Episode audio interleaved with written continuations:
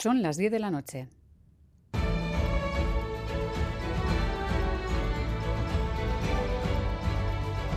Radio Euskadi y Radio Vitoria.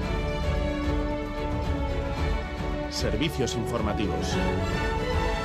Repasamos los titulares de la jornada con John Fernández Mur, Gabón. Gabón, Miriam, noticias de este lunes 30 de octubre en el que Petronor ha concretado su amenaza sobre las inversiones en peligro por el impuesto especial a las energéticas. El presidente de la compañía, Emiliano López Achurra, ha dicho aquí en Boulevard de Radio Euskadi que ponen en stand-by el proyecto de hidrógeno verde en la refinería de Musquis y su planta de, combustión de combustibles sintéticos. Lo que sí está eh, no consolidado es la inversión de los 100 megavatios que tiene que ver con la planta de hidrógeno asociada directamente a la actividad de la refinería. Eso es lo que en estos momentos estaría en situación de stand porque tendremos que implantar una inversión industrial en un entorno regulatorio no solo amable, sino previsible. El gobierno vasco comprende a Petronor, aunque reconoce que afectará a Euskadi, lo decía la consejera Arancha Tapia.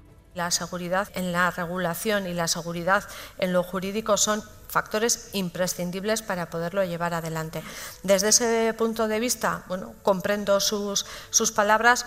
Otro tema relevante es que, desde luego, probablemente nos va a afectar eh, si eso finalmente, esas inversiones de las que comentaba, no se llevan a término, desde luego no son una buena noticia ni para Euskadi ni para el conjunto de la Unión Europea. Comisiones Obreras ha sido el primer sindicato en pronunciarse sobre el anuncio de Petronor, Unai Sordo, secretario A mí me parece bastante obsceno. Yo creo que estas amenazas son amenazas en falso.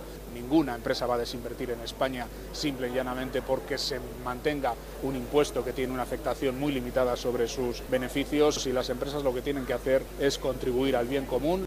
Tras tres años cerrados, se ha reabierto el puente avenida que une Irún y Endaya. Las vallas se han retirado y los alcaldes de las localidades de Irún, Endaya y también Ondarribía lo han escenificado, encontrándose en él. En su opinión, supone el triunfo de la fuerza ciudadana. José Antonio Santano, alcalde de Irún, se ha pasado por Gámbara de Radio Euskadi y ha denunciado los controles racistas en la Muga.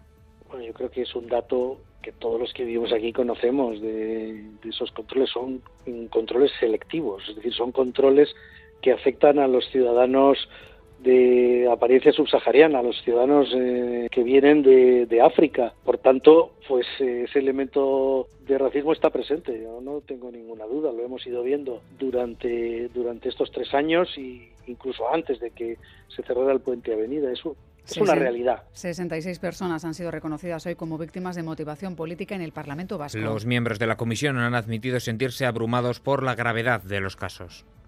Hablaron de introducirle por la vagina una botella manchada con sangre de una persona con el SIDA. Que hables.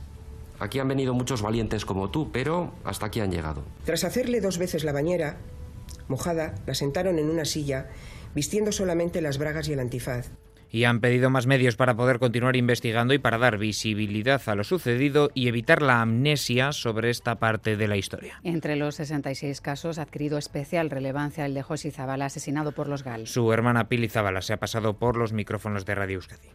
Ver todas las trampas que han hecho para condecorar a los condenados y para no declarar víctimas a las verdaderamente víctimas que eran José Ignacio Zabalartano y José Antonio Lasarostegui, pues bueno, pues al final poder comprobar que esta ley autonómica reconoce a José Ignacio Zavala como víctima de graves vulneraciones de derechos humanos, para la familia es un gran paso adelante.